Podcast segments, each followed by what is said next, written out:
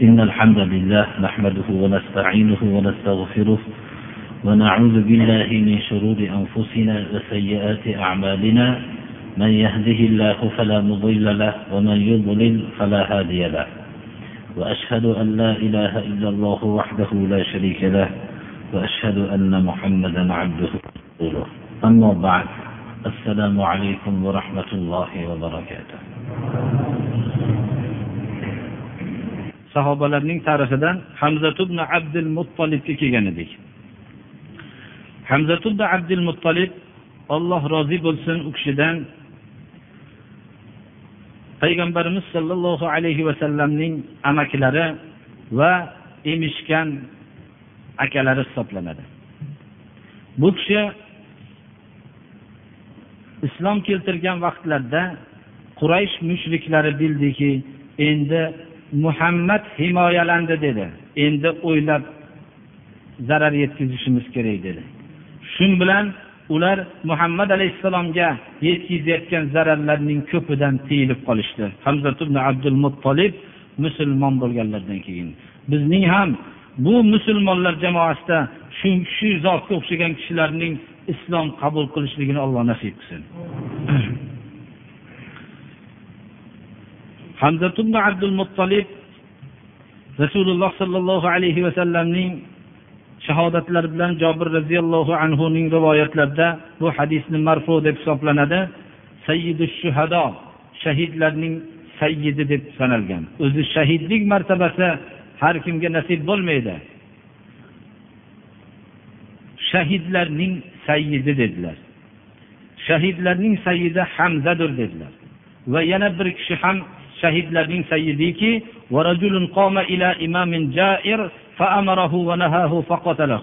yana ikkinchi kishi ham shahidlarning sayyidiki bu zolim imom peshvoning oldiga borib haqqa buyurdi va nohaq ishlardan qaytargani uchun bu tug'yon bilan uni qatl qilgan bo'lsa ham mana bu odam ham shahidlarning sayyidi dedilar.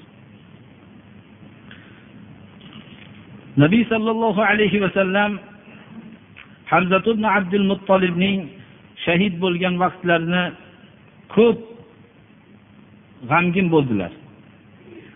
Ansor ayollari uhuddagi shahid bo'lganlarga ko'z yoshi qilib yig'lashayotganini ko'rdilar eshitdilar. Shunda aytib qo'ygan ekanlarki hamzaning yig'lovchisi yo'q bechorani deb qo'ygan ekanlar. Shunda ansor ayollari eshitib payg'ambarimiz sollallohu alayhi vasallamga hamzatun abdul muttolibning nomini aytib ko'ngillarini olish uchun yig'lagan ekanlar. Shunda payg'ambarimiz sollallohu alayhi vasallam aytgan ekanlarki bugungi kundan birov halok bo'lgan bo'lsa yig'lamasin buyuringlar degan ekanlar. Ya'ni shu shunchalik qalblari alamlanganliklarini rivoyat qilinadi. Bu bilan o'lgan kishiga yig'lashlikka hujjat bo'lmaydi. Chunki rasululloh sollallohu alayhi vasallam buyuringlar dedilar. Buyurdilar biror bir halok bo'lgan odamga bugungi kundan keyin yig'lamasin hech kim dedilar. Hamzat ibn abdul muttolibni bu rivoyatlar shuni ko'rsatadiki vahshiyning shahid qilganligini. Vahshiy bu qul bo'lib uning hojati hamzat ibn abdul muttolibni nihoyatda ko'p qahramon sahoba ekanliklarini bilib ma'lum bo'lgandan keyin bu vahshiy o'zining nihoyatda bir harba ilmida ya'ni o'zini qo'lidagi jang jihozini ishlatishlikda mohir bo'lgan edi. Shuning uchun agar hamzani o'ldirsang ozodsan degan edi. Shuning uchun vahshiy uhud jangida hamzatulla abdul muttolibni nihoyat darajada poylab shahid qildi. Bu narsani vahshiy o'zi hikoya qilib bergan edi. Tarixlarda mana bu rivoyat faqat vahshiyning o'zini rivoyati bilan yozilgan. Nihoyat darajada fojialik suratda shahid qildi. Ashoblar islomning harakatida mustahkamliklari bilan allohning madadi bilan nihoyatda islom rivojlanganda toif elchilari islomni qabul qilishlik uchun payg'ambarimiz sollallohu alayhi vasallamning oldiga kelayotgan vaqtlarda vahshiy o'zining qilgan fe'lidan agarchi iymon qabul qilmasa ham qattiq o'zi ranjib toif viloyatiga qochib ketgan edi. Toifdan elchilar musulmon bo'lishlik uchun kelayotganda endi toif ahli ham musulmon bo'lyapti menga toifda ham joy qolmadi deb yer vahshiyga tang bo'ldi. Shunda kishilarning bittalari aytdiki muhammad alayhissalom o'zini diniga kirgan har qanday kishini kechiradi dedi. Shunda vahshiy elchilar bilan birga chiqib madinaga keldim deydi rasululloh sollallohu alayhi vasallamning oldilariga kirdim. Vahshiy tanitdim o'zimni deydi men vahshiymisan deb so'radilar. Shunda ha dedilar. O'tir dedilar. Qanday hamzani o'ldirding dedilar. Xuddi shu rivoyatni mana vahshiy o'zi aytib berdi. Shunda aytdilarki mendan menga kam ko'rinib yurgin. Seni ko'rsam hamza amakim esimga tushadi dedilar. Menga kam ko'ringin dedilar. Vahshiy aytadilarki rasululloh sollallohu alayhi vasallam qayerda bo'lsalar hayotimda bekinib yurdim u kishidan degan. Shu hijolatchilikni vahshiy mana yamoma jangida bu xatosini yuvdim deb o'zi rivoyat qiladi. Musaylamatul kazzob o'zini payg'ambar deb e'lon qilgan edi. Payg'ambarimiz sollallohu alayhi vasallamning vafotidan. Yamomada shu vahshiyni o'ldirgan shu jihozim bilan chiqdimda shu musaylamani o'ldirdim. Islomdan ilgari odamlarning eng yaxshisini o'ldirdim. Islomni qabul qilgandan keyin odamlarning kazzobini o'ldirdim deb shu faxrlangan ekan keyin. Mo'min kishi o'zining xatosini shu yuvishlikka shunday ahdi bo'lmoqligi kerak. Hamza abdul muttolib haqidagi bu kishi haqida ko'p rivoyatlar bor. Shu rivoyatlardan bittasi agar hamzaning oilasi besabrlik qilmaganda shunday fojialik holatda hamzani qo'yib ketardim. Shu yirtqichlar yeb ketsa shu yirtqichlarning qornidan qiyomat kuni mahsharda shulardan chiqib turishligini orzu qilardim degan ekanlar. Inson shahidlik qanchalik fojialik bo'lsa shunchalik shahidlarning sayidi bo'ladi birodarlar. Payg'ambarimiz sollallohu alayhi vasallam uhud g'azotida juda bir qattiq bir sahobalar birodarlarning ko'p shahid bo'lishligini ko'rdilar va juda ko'p g'amgin bo'ldilar. Va ba'zi holatlarda aytar ekanlarki ashobi uhud uhud ashoblari uhuddagi shahid bo'lganlar zikr qilinganda أما والله لوددت أني غودرت مع أصحاب فحص الجبل shu merganlarni qo'yib qo'yganlar merganlarni qo'yib qo'yganlarda shu yerda ular rasululloh sollallohu alayhi vasallamni buyruqlarini qilmasdan shu yerda shahid bo'lishganlar aytadilarki ba'zilar buyruqlariga sobit qadam bo'lib shu yerda shahid bo'lganlar Aytar ekanlarki ollohga qasam ichib aytamanki shu tog'ni joyda men ham buyruqni qabul qilib shu yerdan jilmasdan shahid bo'lib qolishlikni orzu qilardim degan ekanlar. Oqil ibn bukayr roziyallohu anhu oqil ibn bukayr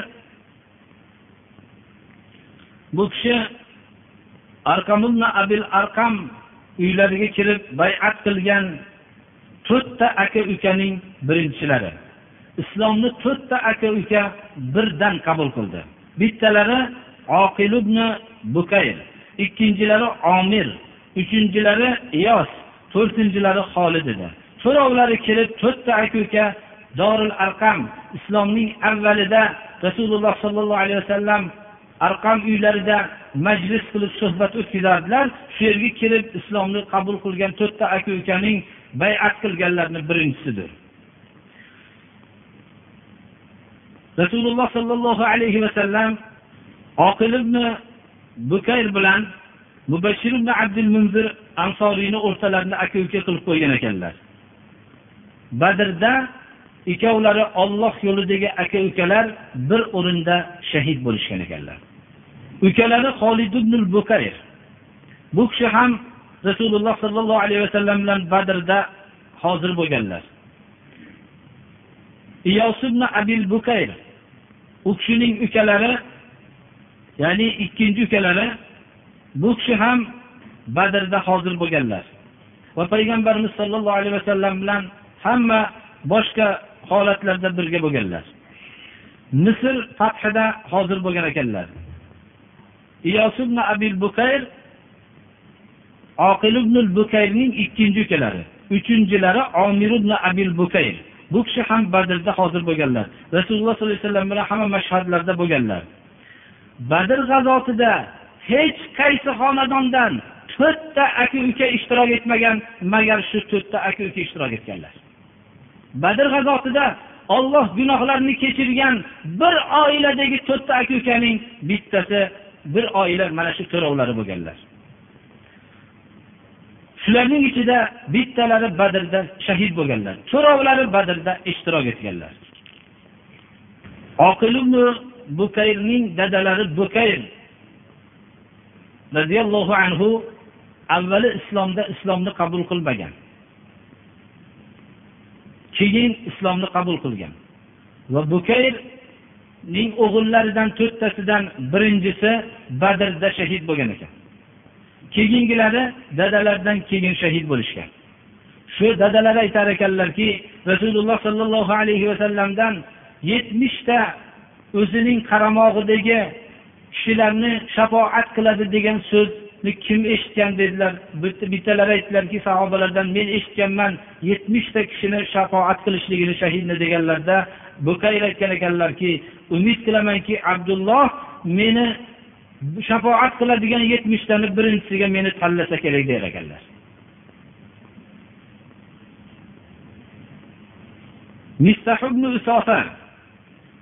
Bu kishi muhtoj bo'lib kambag'al bo'lgan sahobalardan hisoblanadi. Badrda ishtirok etganlar abu bakr roziyallohu anhu bu kishiga infoq qilib turar ekanlar. Abu abas roziyallohu anhu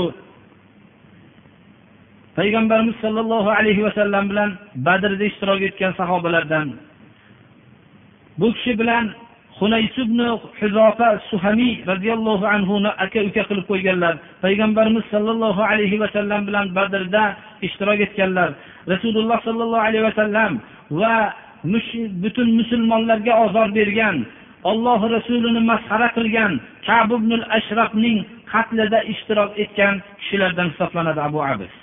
Muhammad ibn maslama bilan birga borganlar. Abu tayyihon ibn tayyihon ollohni roziligi bo'lsin bu kishiga. Johiliyat davridan tortib butlarni yomon ko'rib yashagan sahobalardan hisoblanadi.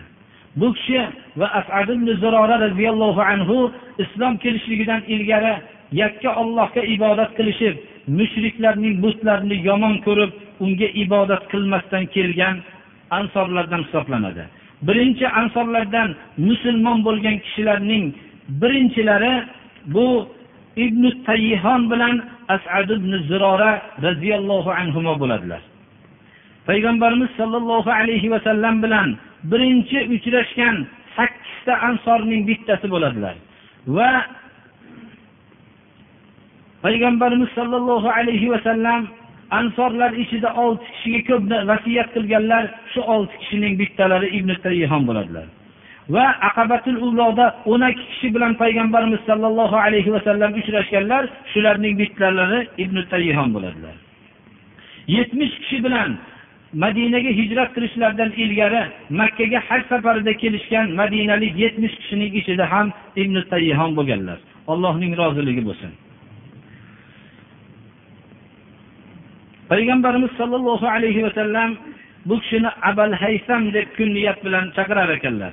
Payg'ambarimiz sollallohu alayhi vasallam sadaqotlarni yig'ishtirishlik uchun xurmolarni taxmin qilishlikka bu kishini jo'natar ekanlar. Bu kishining taxminlari juda kam miqdorda juda xato bo'lar ekan. Bir bog'ni ko'rib turib buni shuncha so keladi deb aytishlari bilan o'lchansa shuncha chiqaverar ekan. Shuning uchun payg'ambarimiz sollallohu alayhi vasallam abul haysamni ko'proq shu taxmin qilib hisob qilishlikka shu kishini jo'natar ekanlar. payg'ambarimiz sollallohu alayhi vasallamdan keyin abu bakr roziyallohu anhu ham sadaqotni taxmin qilgani bu kishini tanlaganlarda men bormayman dedilar. Chunki meni rasululloh sollallohu alayhi vasallam duo qilardilar shu kishining duolarini barakoti bo'lsa kerak taxminda xato qilmasdim. Endi borib taxminda xato qilib qo'yishim mumkin bormayman der ekanlar.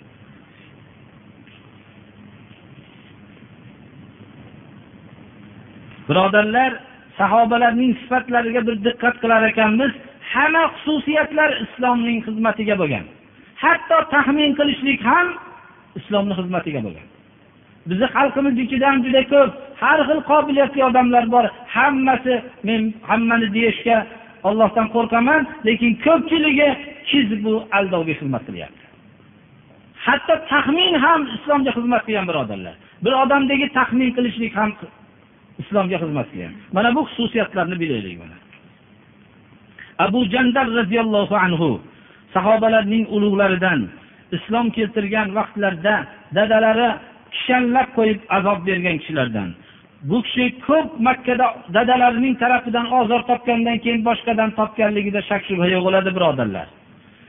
Bu kishi payg'ambarimiz sollallohu alayhi vasallam hudaybiya sulhida o'tirganlarida bironta mushriklardan islomga bir odam kirib qo'shilsa qaytarib berasizlar. Musulmonlardan birov shirkka qo'shilsa qaytarib bermaymiz degan shart qilib turib qo'l qo'yib turgan vaqtlarida abu jandal kishanlarni sudragan holatda qochib chiqdi.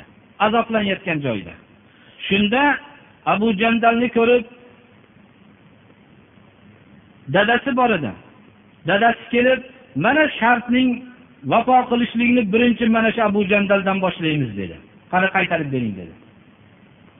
Shunda rasululloh sollallohu alayhi vasallam qaytarib berdilar. U kishi shartlarga vafo qiluvchilarning ustozi edi. Bu juda og'ir bo'ldi. Islomda azoblanib islomni deb shunday mustahkam bo'lib turgan iymon bilan o'zi birovning yordamisiz qochib qutulgan vaqtda shartga qo'l qo'yib turganlarida rasululloh sollallohu alayhi vasallamdan dadasi azob berishlik uchun chaqirib kelganda qaytarib berishga majbur bo'ldilar. Shart shu edi shunda qichqirdilarda ey musulmonlar kufrga qaytarib berasizlarmi? dedilar. Keyin qochdilarda ollohning hikmati bor edi. Bir chekkaga uni qo'lidan ham ikkita uch ushlab ketayotgan odamning bittasini qatl qilib boshqasini qo'lidan chiqib chetga borib hamma qochganlar bir chekkaga bordida mushriklarning karvonini to'sab olishlashdi ana shunda mushriklar o'zi kelib shu shartni bekor qilaylik. Kim biz bizdan musulmonlardan sizga qo'shilsa siz qaytarib olavering deyishdi mana bu g'amni alloh subhana va taolo musulmonlardan ko'tardi. Mana shunda abu jandalning dan olloh rozi bo'lsin aytmadilarki ey muhammad alayhissalom men sizga ergashgan edim endi meni qaytarib berasizmi? Bu yo'l shunaqa yo'lmi? degan so'zni og'izlaridan chiqarmadilar. Iymon shunday bo'lishligi kerak odamda. Chunki bu yerda shart bo'lganda alloh subhana va taoloning o'zini hikmati bor edi.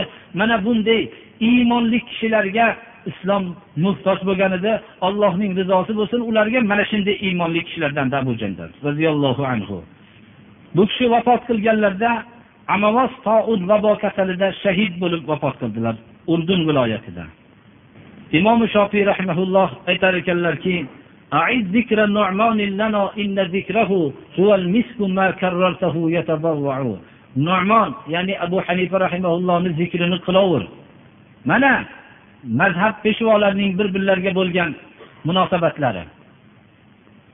Nomonni zikrini aytaver uning ba'zi sifatlarini gapirgin men eshitay uni zikri xuddi mushka ambarga o'xshaydiki gapirgan saning bo'yi xushbo'ylanib tarqaveradi degan. Mana bu sahoba ikromlar o'tgan tobiinlar bularning zikri bo'lganda inson bularga ergashishlikka harakat qiladi. Bularning zikri bo'lganda allohning rahmati nozil bo'ladi. Allohni rahmati nozil bo'ladi. Va eng ummatning tarbiyasi uchun o'tgan sahoba tobeinlarning zikridaqa yaxshi bir tarbiya vositasi yo'qdir birodarlar. Abu salama roziyallohu anhu ulug' sahobalardan bo'lib payg'ambarimiz sollallohu alayhi vasallam bilan emishgan aka uka bo'ladilar. Va payg'ambarimiz sollallohu alayhi vasallamning barra ismli ammalarining o'g'lidir. Islomga sabqat qilgan birinchi kishilardan hisoblanadi.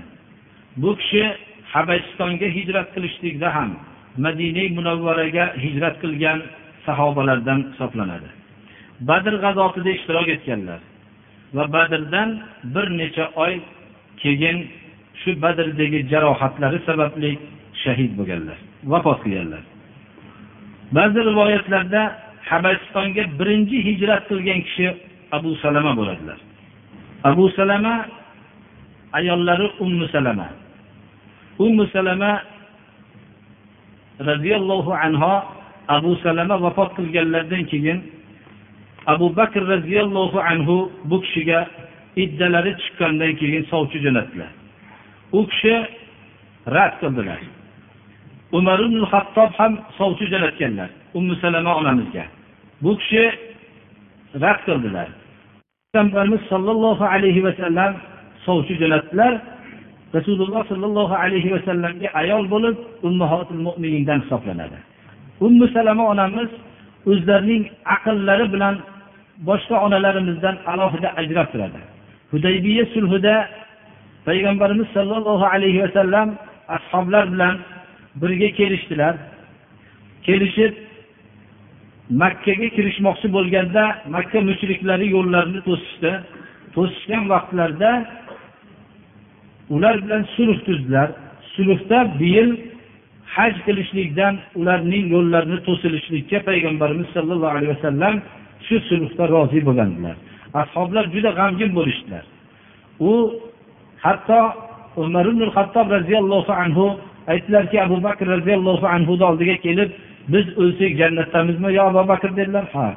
Ular o'lsa jahannamdami dedilar ha. Nima uchun bo'lmasam biz bulardan turib makkaga kirmasdan qaytib ketamiz dedilar. Shunda abu bakr roziyallohu anhu aytdilarki aqlli komil iymonli kishi edilar. U kishi aytdilarki agar bu so'z boshqa odamning so'zi bo'lganda men rad qilgan bo'lardim. Lekin bu ollohning elchisini gapi. Mumkin olloh bilan elchisining o'rtasida bir sir bordir. Bu narsa bizga qorong'udir dedilar. Shunda payg'ambarimiz sollallohu alayhi vasallam sulh shartiga binoan shu yerdan qaytdilarda hajdan to'silgan odamning amali nima bo'lishligini shu yerda ko'rsatdilar. Sochlarini oldirdilar va sochinglarni oldiringlar qurbonlikni qilib e, shunday qilinglar desalar butun buyruqlarga bo'ysunib turgan sahobalar ma'yus bo'lib tek o'tirishdi.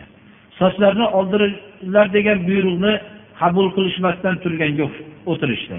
Shunda rasululloh sollallohu alayhi vasallam chodirlarga kirib g'amgin bo'lib musulmonlar halok bo'lsin bu buyursam buyrug'imni qilishmayapti deganlarda ummu salama onamiz nihoyatda aqlli edilar darrov qo'rqdilarda rasululloh sollallohu alayhi vasallam duoibat qilib qo'ymasinlar dedilarda yo rasululloh bular uchun nihoyatda og'ir vaziyat hozir. Siz bir balandlikka chiqib halloqni chaqiringda sochingizni oldiring bular ko'rishsin deb sizni qilganligingizni ko'rib hamma bo'ysunib ketadi dedilar. Balandga chiqdilarda sochlarini oldirishlari bilan hammalari sochlarini oldirib qurbonliklarni shu yerda qilib qaytishdilar. Ummu salama roziyallohu anhu shunday aqlli edilar. Abu salama bilan birga habashistonga hijrat qilgan va madinaga hijrat qilgan badrda ishtirok etgan shunday oqila ayollardan edilar. Ummu salama onamiz abu salama haqida abu salamadan yaxshiroq inson bormi rasululloh sollallohu alayhi vasallamdan keyin deb shunday dedilar usmon ibn mazun roziyallohu anhu bu kishi abu soib deb kunyatlanadi muhojirlarning ulug'idan ollohning avliyolaridan muttaqillardan rasululloh sollallohu alayhi vasallamning hayotliklarida vafot topib o'zlarining janozalarini muhammad alayhissalom o'qiganlar.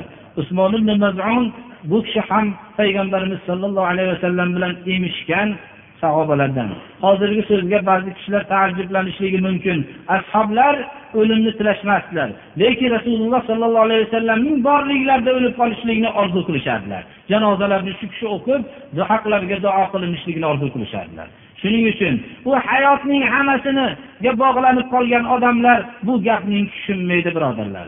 Inson o'zining hayotida janozasini toza o'qiydigan insonga nasib bo'lishligi ham bu oson ish emas birodarlar. Munofiq har xil odamlarning oldida janozasi qolib ketib qolishligi xatardir birodarlar bu.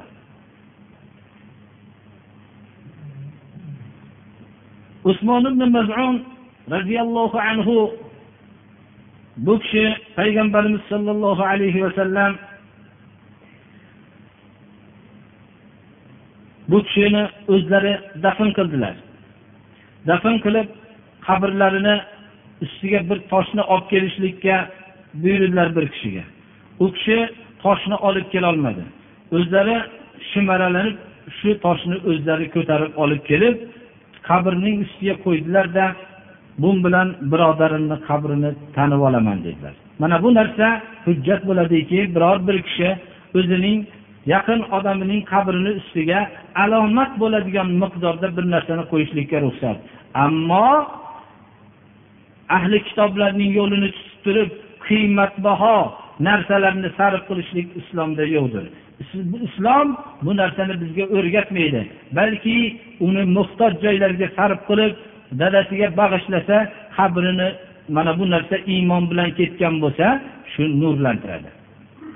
U bizni ahli kitoblarga o'xshamanglar kofirlarga o'xshamanglar degan xitobga kiradi birodarlar. Biz o'xshab qolishligimiz bu qabrlarni ustini bunday toshlar bunday narsa qilishlik islomda yo'qdir. Ammo alomat qo'yishlikka ruxsat bor. Mana bu narsa bizga hujjat bo'ladi. Usmon ibn mazun roziyallohu anhu vafot qilganlarida payg'ambarimiz sollallohu alayhi vasallam aytgan ekanlar dunyo senga tegmadi sen dunyoga tegmasdan o'tib ketding degan ekanlar. Usmon ibn mazun roziyallohu anhu nihoyat darajada zohid sahobalardan ekan. Bir kunlik taomni saqlamagan ekanlar bu kishi.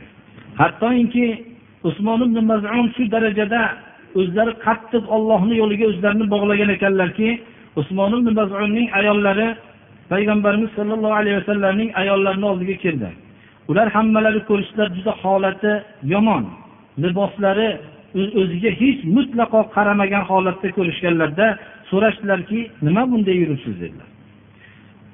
Aytdilarki vaholanki sizni kuyovingizdaqa quraysh xalqini ichida himmatli odam yo'qu dedilar. Nihoyatda qo'llari ochiq edi aytdilarki to'g'ri kechqurunda doim bedor namoz o'qiydi. Ammo kunduzida doim ro'zador. Bu so'z bilan ba'zi narsalarga ishora qildilar ya'ni usmon ibn mazunning ayollari bilan ishi yo'q dedi shunda payg'ambarimiz sollallohu alayhi vasallam usmon ibn mazun emishgan ukalari bo'ladi shu kishiga uchrab menga ergashmaysanmi? dedilar. Ya'ni bunday holatda ayolingni yurishligi yaxshi emas dedilar.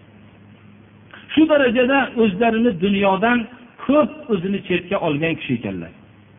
Sahobalar ichida usmon ibn mazunni zohidlik bilan mashhur bo'lgan sahobalardan hisoblanadilar.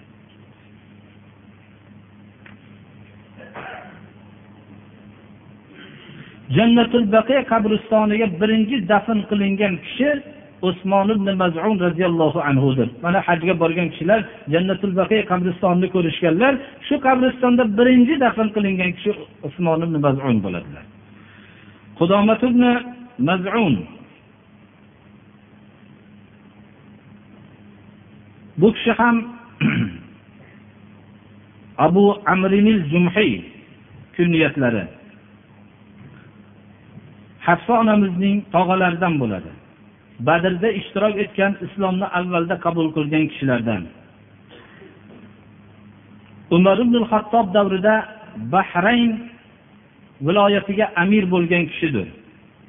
Qudomat ibn mazun roziyallohu anhu habashistonga hijrat qilganlar. Qudomat ibn mazun roziyallohu anhu badr va uhud janglarida ishtirok etgan ekanlar. Habasistonga ba'zi rivoyatlarda habasistonga ikkinchi hijratda ham ishtirok etgan kishilardan hisoblanadi. Abdulloh ibn mazun. Bu kishi islomni avvalda qabul qilgan kishilardan badrda ishtirok etganlar habasistonga hijrat qilganlar birinchi va ikkinchi hijratlarda ishtirok etganlar badr va uhud handaq g'azotlarida bu kishi ishtirok etganlar. Rasululloh sollallohu alayhi vasallam bu kishi bilan sahl ibn ubayd ibn muallo ansoriyni o'rtalarini aka uka qilib qo'yganlar. Va usmon roziyallohu anhuning davrlarida o'ttizinchi yilda oltmish bir yoshlarda vafot etganlar. Soib ibn usmon roziyallohu anhu bu kishi ham islomni avvalda qabul qilgan kishilardan habasistonga hijrat qilganlar va islomdagi mergan kishilardan hisoblanadi. Rasululloh sollallohu alayhi vasallam bu kishi bilan ansoriy o'rtalarini aka uka qilib qo'yganlar. Ansoriyning o'ziga xos imtiyozli sifati badrda shahid bo'lganlarda va yoshlik vaqtlarida shahid bo'lganlar shunda bular yig'lab kelganda agar farzandim jannatda bo'lsa yig'lamayman jahannamda bo'lsa yig'layman deganlarda o'g'ling firdavsul aloga yetib bordi dedilar. Ya'ni o'g'ling firdavsul aloda dedilar. Shu ansoriy shu zot bilan birga payg'ambarimiz sollallohu alayhi vasallam soib usmonni o'rtalarida aka uka qilib qo'yganlar. Bir odamning manoqibida birodari shunday odam degan odam ham bu nihoyatda uning haqida yaxshi bir bo'ladi. Birodari buning shahid bo'lgan bo'li degan nom ham uning sha'niga ancha maqtov bo'ladi birodarlar. Abu huzayfa roziyallohu anhu bu kishi ulug' sahobalardan shahid bu kishi bo'lganlar. Islomni avvalda qabul qilingan qabul qilgan kishilardan abu huzayfa badr g'azotida ishtirok etganlar va misli ko'rilmagan amalni qilganlar. Va abu huzayfa roziyallohu anhuning dadasi mushriklar safida edi badrda. Shunda yakkama yakka chiqishlikka shu mushrik bo'lgan dadasi bilan ro'baru bo'lishga tayyor bo'lgan kishilardan lekin shu vaqtda dadasi chetga ketganligi uchun bu baroz bo'lmagan. Abu huzayfa roziyallohu anhu bu kishining eng katta sifatlaridan bittasi bu kishi tarbiya qilgan ozod qilgan solim mavlo abu huzayfa deyiladi. Ya'ni abu huzayfa ozod qilgan qul solim hisoblanadi. Solim islom tarixida inshaalloh o'zini o'rnida hozirgi navbatdagi darsimiz ham shu kishiga bog'lanadi. Abu huzayfa shudek abu huzayfa roziyallohu anhu solim solim mavlo abu huzayfaga o'xshagan kishini ozod qilganligi ham bu kishiga islom tarixida katta bir sharaf bo'lib qoldi. Solim mavlo abu huzayfa kim edilar? Islomni birinchi qabul qilgan qullardan badrda ishtirok etgan ollohning rasulini guvohligi bilan nihoyatda omonatli kishilardan hisoblanadi. Rasululloh sollallohu alayhi vasallamning oilalarining oldiga biror bir bu kishi razo bilan bog'langan shu xonadonlarida omonatlik ishlarni solim mavlo abu huzayfa bajarardilar boshqa odamga rasululloh sollallohu alayhi vasallam ruxsat bermasdilar. Solim mavlo abu huzayfa islom millatidagi eng qiroatda mohir bo'lgan kishilardan hisoblanadi. Hattoki madina munavvarada qubon masjidida birinchi marta imom bo'lib turgan solim mavlo abu huzayfa bo'ladilar. Bu kishi yosh bo'lishliklariga qaramasdan umar ibn hattob roziyallohu anhudek ulug' sahobalar bo'lgan muhojirlar jamoasini ichida solim roziyallohu anhu bu kishi imom bo'lib turardilar.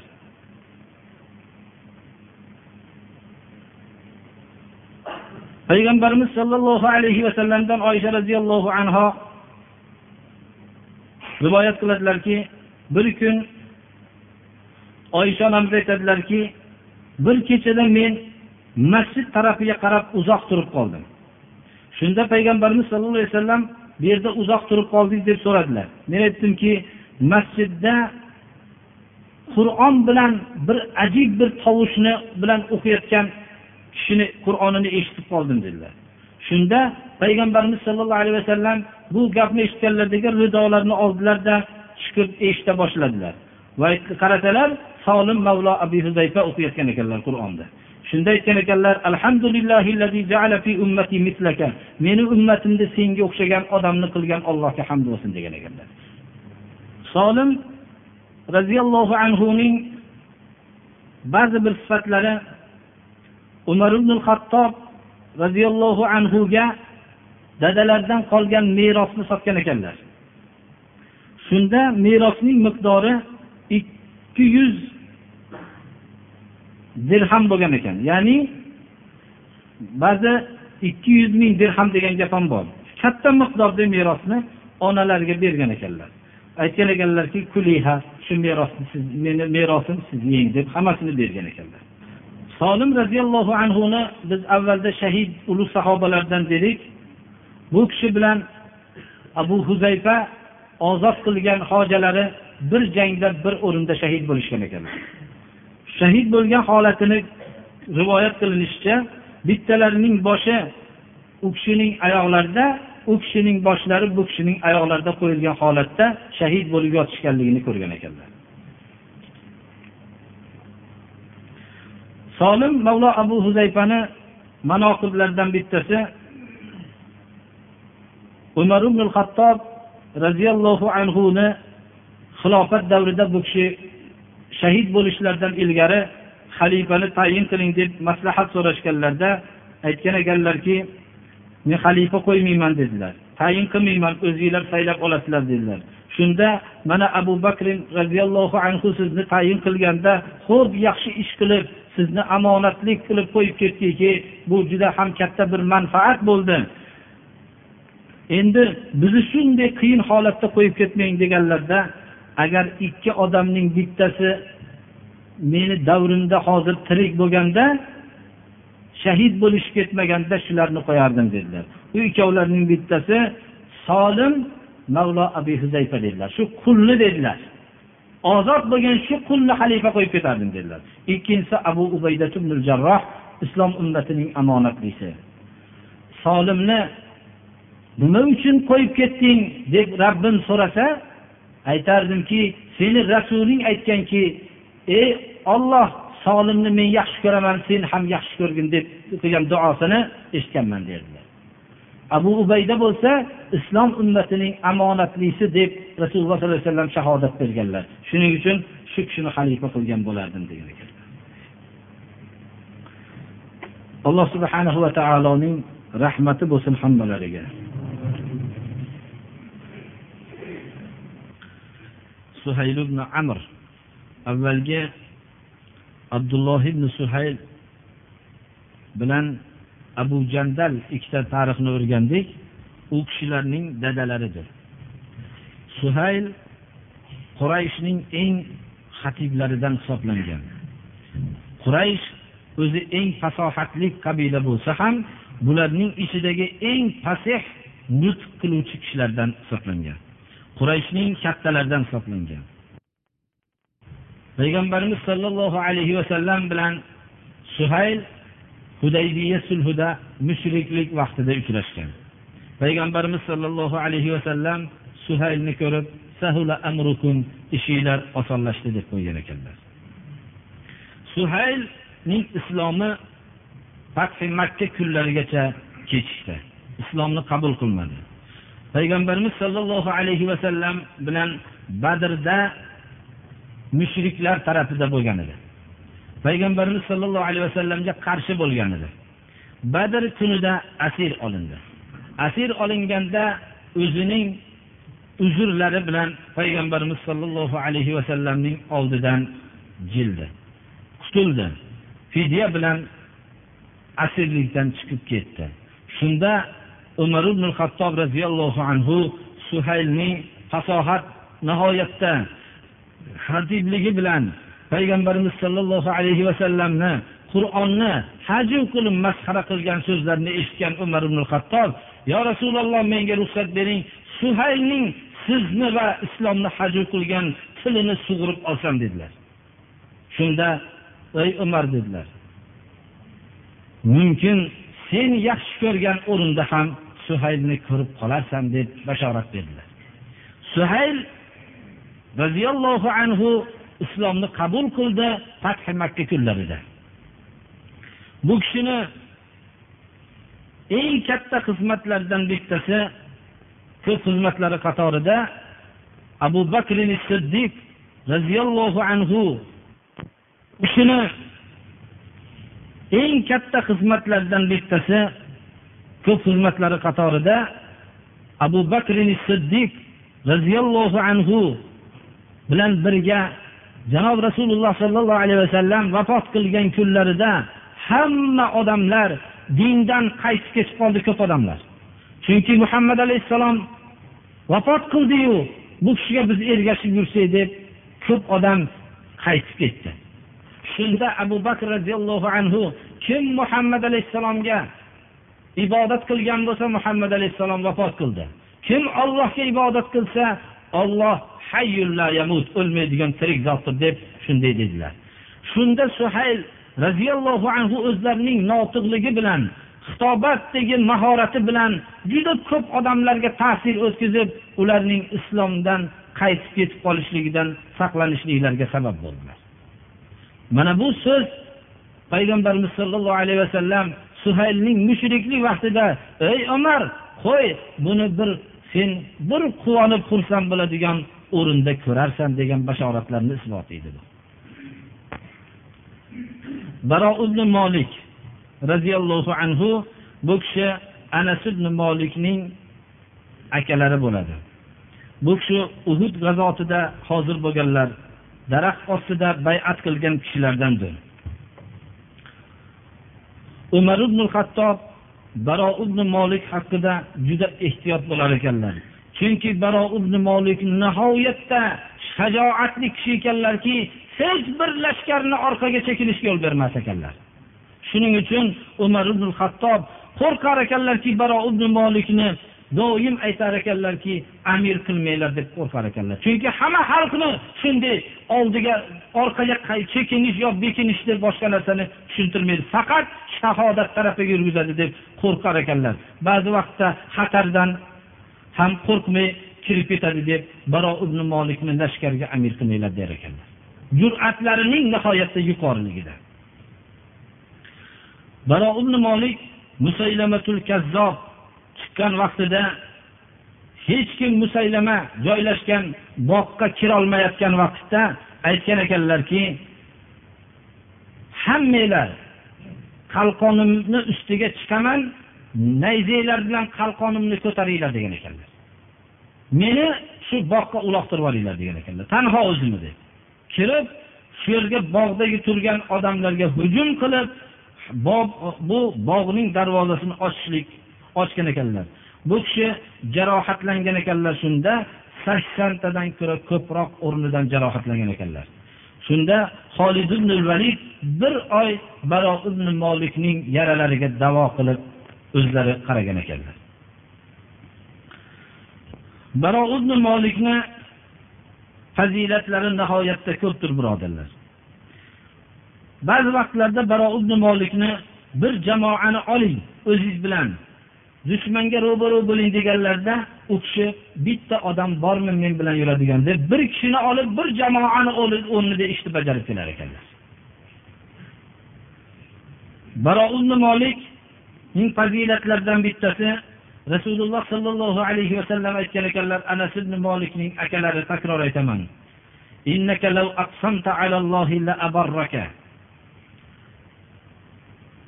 Aytgan ekanlarki payg'ambarimiz sallallohu alayhi vasallam ey baro degan ekanlar. Agar sen ollohga qasam ichsang olloh seni qasamingda bor qiladi degan ekanlar. Seni yolg'onchi qilmaydi degan ekanlar. Misol qilayotganda albatta jangda yengamiz degan ollohga qasamki jangda yengamiz deb yuborsalar olloh shu so'zini yolg'onchi qilmasdan jangda g'olib qilar ekan. Mana bu fazilat baro ibn molikda ekan. Shuning uchun mushriklar bilan bo'lgan jangning og'irlashgan soatida musulmonlar yengilib qolishligi mumkin bo'lganda baro der ekanlar qasam iching allohga olloh sizni yolg'onchi qilmaydi der ekanlar. U kishi qasam ichib yuborar ekanlar. Shu bilan olloh bizni g'olib qiladi deb qasam ichar ekanlar olloh g'olib qilar ekanlar.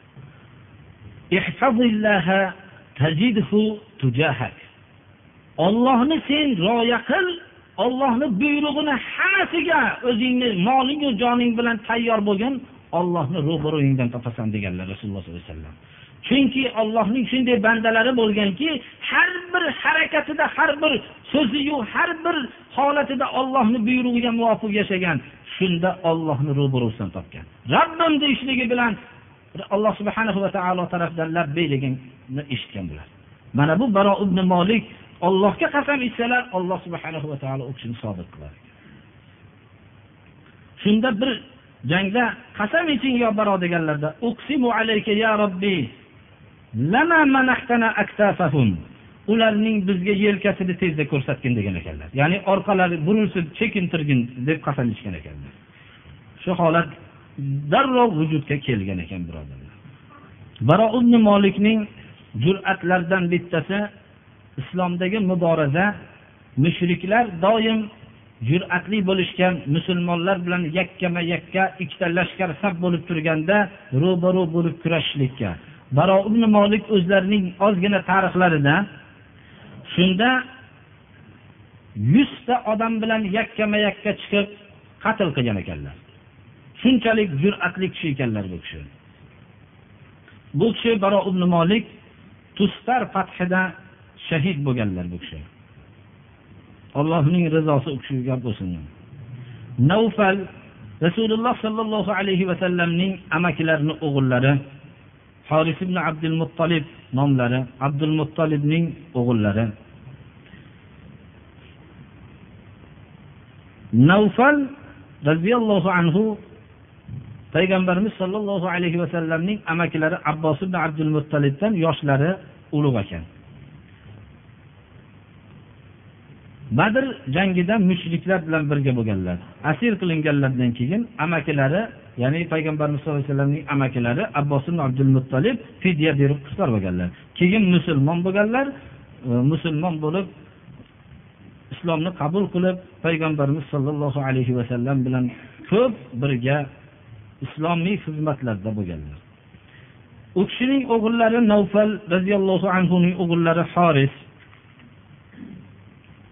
bu kishi dadalari bilan birga musulmon bo'lib umar ibn hattob va usmon roziyallohu anhuning davrlarida makkaning voliysi bo'lib yashaganlar. Payg'ambarimiz sollallohu alayhi vasallam o'zlari ham ba'zi amallarga voliy qilgan ekanlar. Usmon roziyallohu anhuning xilofatlarida vafot qilganlar. Navfar roziyallohu anhuning o'g'illari abdulloh ibn al horis ya'ni yo'q bu kishining o'g'illari abdulloh horis ibn navfalning o'g'illari abdulloh ibn al horis payg'ambarimiz sollallohu alayhi vasallam hayotlarida bu kishi tug'ilganlar.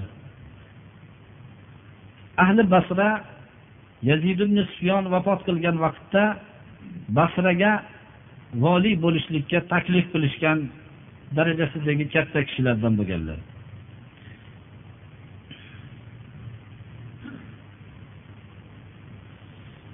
Bu kishining o'g'illari ya'ni abdulloh ibn horisning o'g'illari abdulloh ibn abdulloh ibn horis roziyallohu anhu. Payg'ambarimiz sollallohu alayhi vasallamning mana bu kishi payg'ambarimiz sollallohu alayhi vasallamni ko'rmaganlar. Chunki bu kishini dadalari o'zi payg'ambarimiz sollallohu alayhi vasallam davrida tug'ilganlar. Bu kishining fazilatlaridan bittasi hadisni ishonchli muhaddis olimlardan hisoblanadilar. Abvo viloyatida abvo degan joyda bu kishi garmsel shamolining ta'sirida jon berganlar.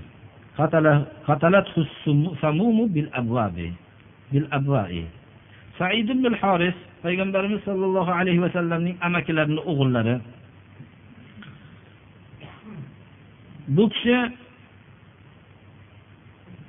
payg'ambarimiz sollallohu alayhi vasallamdan bitta hadisni rivoyat qilganlar. Ehtiyotkorlikda mashhur bo'lgan kishilardan hisoblanadi.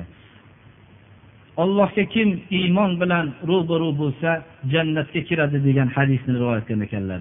Nihoyat darajada hadisni rivoyat qilishlikda ehtiyotligidan bitta hadis rivoyat qilganlar.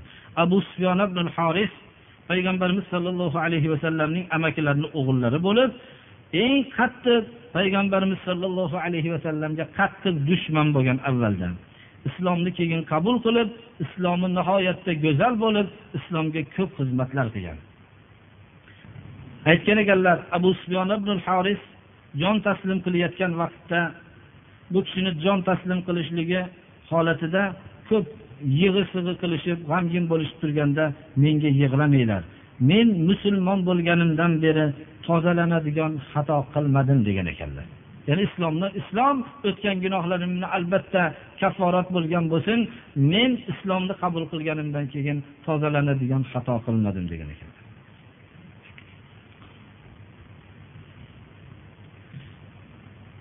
abu sufyon abu sufyon ibn haris keyingi davrlarda nihoyat darajada obid sahobalardan bo'lib ketganlar. Ba'zi vaqtlarda kunduzining yarmida ibodat qilar ekanlar. Ba'zi vaqtlarda peshindan asrgacha ibodat qilar ekanlar. Jafar ibn abi sufyon payg'ambarimiz sollallohu alayhi vasallamning eng yaqin sahobalaridan bo'lib abu sufyonning o'g'li hisoblanadi bu. Jafar ibn abi tolib eng shahid sayyid bo'lgan nihoyat darajada mujohidlarning bayrog'i hisoblangan jafar ibn abi tolib allohning rizosi bo'lsin u kishidan. Bu kishi habasistonga ham madinadan hijrat qilganlar. Musulmonlar bilan uchrashgan madinada uchrashganliklari haybarning fathidan keyin uchrashganlar. Payg'ambarimiz sollallohu alayhi vasallam jafar ibn abi tolibning habasistondan hijratlarini ko'rib quchoqlab peshonalarini o'pib qaysim bilan xursand bo'laykin haybarning fathi bilanmi yo jafarning kelishi bilanmi? Jafarning kelishi bilan xursandligim haybarning fathidan afzal kattaroqdir degan ekanlar. Jafar ibn abi tolibning eng imtiyozli bir hayotdagi bo'lgan ishlardan bittasi sakson kishi najoshiy huzuriga habasistonga hijrat qilindi musulmonlarga ozor ko'p bo'lganligidan. Musulmonlarga ozor islomning uzun tarixidan tortib odam alayhissalomdan tortib shu musulmonlarga ozor davom etib kelgan. Sakson kishi najoshiy tarafiga qarab yo'l olishdi. Najoshiy chunki o'zi ahd qilgan ediki menga kim iltijo qilib kelsa meni oldimda zulmlanmaydi deb o'zining dusturiga shuni yozib qo'ygan edi. O'zi agarchi kofir bo'lsa ham o'zining huzurida o'zini xalqi emas iltijo qilib kelgan odamga ham zulmlanmaydigan bu zulm qilmaydigan najo kofir podsholar ham bo'lgan tarixda ishonavering sakson kishi edik deydilar najoshiy oldiga keldik. Kirib kelganimizda biz yetib kelgunimizcha quraysh ikki kishini elchi qilib orqamizdan jo'natdiki bularni hammasini hammamizni asir qilib olib ketishlik uchun. Bittalari amr ibn as edi. Ikkovlari amr ibn as umorat ibn valid ikkinchisi edi. Ko'p hadiyalar bilan kelishdida bularni bittasi najoshiyning o'ng tarafiga ikkinchisi chap tarafiga turib qulog'iga bularni yomonlay boshladi. Bizni qavmimizdan bir toifalari sizni yeringizga tushdi. Bizni dinimizdan qaytib ketganlar bular. Dindan qaytganlar dedi shu saksonta haqiqiy musulmonlar. Botil shunday behayo bo'ladi birodarlar. Botil zalolat shunday uning tamizi bo'lmaydi betamiz bo'ladi. U shunday haqiqiy saksonta musulmonni bular dindan qaytganlar ayniganlar dedi. Qayerda ular dedi? Sizni yeringizda turibdi. Ularning olib kelishlikka elchi jo'natdi. Jafar ibn abi tolib aytdilarki qo'rqmanglar men sizlarning jonibiylardan gapiruvchi menman dedi. Ergashib kelishdilar. Shunda hamma kirgan odamlar podshoh kirishligi bilan podshohga egilishdi. Odatlariga binoan. Bu sakson kishi jafar ibn abi tolib boshchiligida tik turishdi. Shunda nimaga podshohga sajda qilmayapsizlar deb so'radi. Biz faqat ollohga sajda qilamiz deyishdi. Nima uchun? Deganlarda olloh bizlarga bir payg'ambar jo'natdi. Faqat ollohga sajda qilinglar. O'zinglar bilan barobar bo'lgan insonga sajda qilmaysizlar deb bizga ta'lim berdi. Namozga zakotga buyurdi degan vaqtda amr ibn os tinimsiz vasvasa qilib turardi. Aytdiki maryam haqida maryamning onasi haqida bular siz bilan qarama qarshi fikrda dedi. Doim zalolat ahli shunday bo'ladi. Bular biz ota bobolarimiz qilib kelgan ishni qarshi turadi deb gap qo'shib turadi doim. Mana bu yerda shunday dedi. Maryam o'g'li haqida iso haqida onasi haqida nima deysizlar deganda jafar ibn abi tolib aytdiki olloh rabbimiz nima desa shuni aytamiz dedi. Aytdilar ollohni ruhi ollohni kalimasi maryamga ilho qildi deb shuni hammasini qur'ondagi bayonni tushuntirdilar. Shunda najoshiy yerdan bir kaltakni ko'tardida ey habash habashaliklar ey hamma atrofidagi peshvolarga xitob qilib aytdiki bular oldimda zulmlanmaydi dedi. Bular bilan meni o'rtamda shu bir chiziq farq bor ekan xolos dedi. Bu aytilayotgan kimsa muhammad alayhissalomni aytib ollohni elchisi bu. Injilda xabari kelgan ollohning payg'ambari shu dedi. Shu bilan jafar ibn abi tolib boshchiligidagi musulmonlar jamoasi shunda osoyishta yashashdi. Jafar ibn abi tolib muta g'azotida shahid bo'ldilar. Payg'ambarimiz sollallohu alayhi vasallam shahid bo'lishliklarini avvaldan xabarini berdilar. Minbarda turib shahid bo'lgan soatlarni aytdilar. Zayd ibn horisa shahid bo'lganligi jafar ibn abi tolibning shahid bo'lganligi va abdulloh ibn ravohaning shahid bo'lganligini va undan keyin holid ibn validni bayroqni olib amirlikni o'zlari talab bilan olib lashkarni salomat olib qolganliklarini xabarini berdilar. Alloh subhanahu va taolo rahmati bo'lsin. Jafar ibn abi tolib yosh shahid bo'lgan sahobalardan hisoblanadi. O'ttiz yoshdan kattaroq bo'lgan vaqtlarda shahid bo'lganlar. Jafar ibn abi tolib haqida nihoyatda u kishining jannatda uchib yurganliklari haqida hadis shariflari bor. Payg'ambarimiz sollallohu alayhi vasallamning jafar ibn abi tolibga xitob qilib ashbahta xalqi va xuluqi. O'ziz ham xulqiz ham menga o'xshadingiz degan ekanlar. Jafar ibn abi tolib payg'ambarimiz sollallohu alayhi vasallamga shaklda ham xulqda ham o'xshagan ulug' sahobalardandir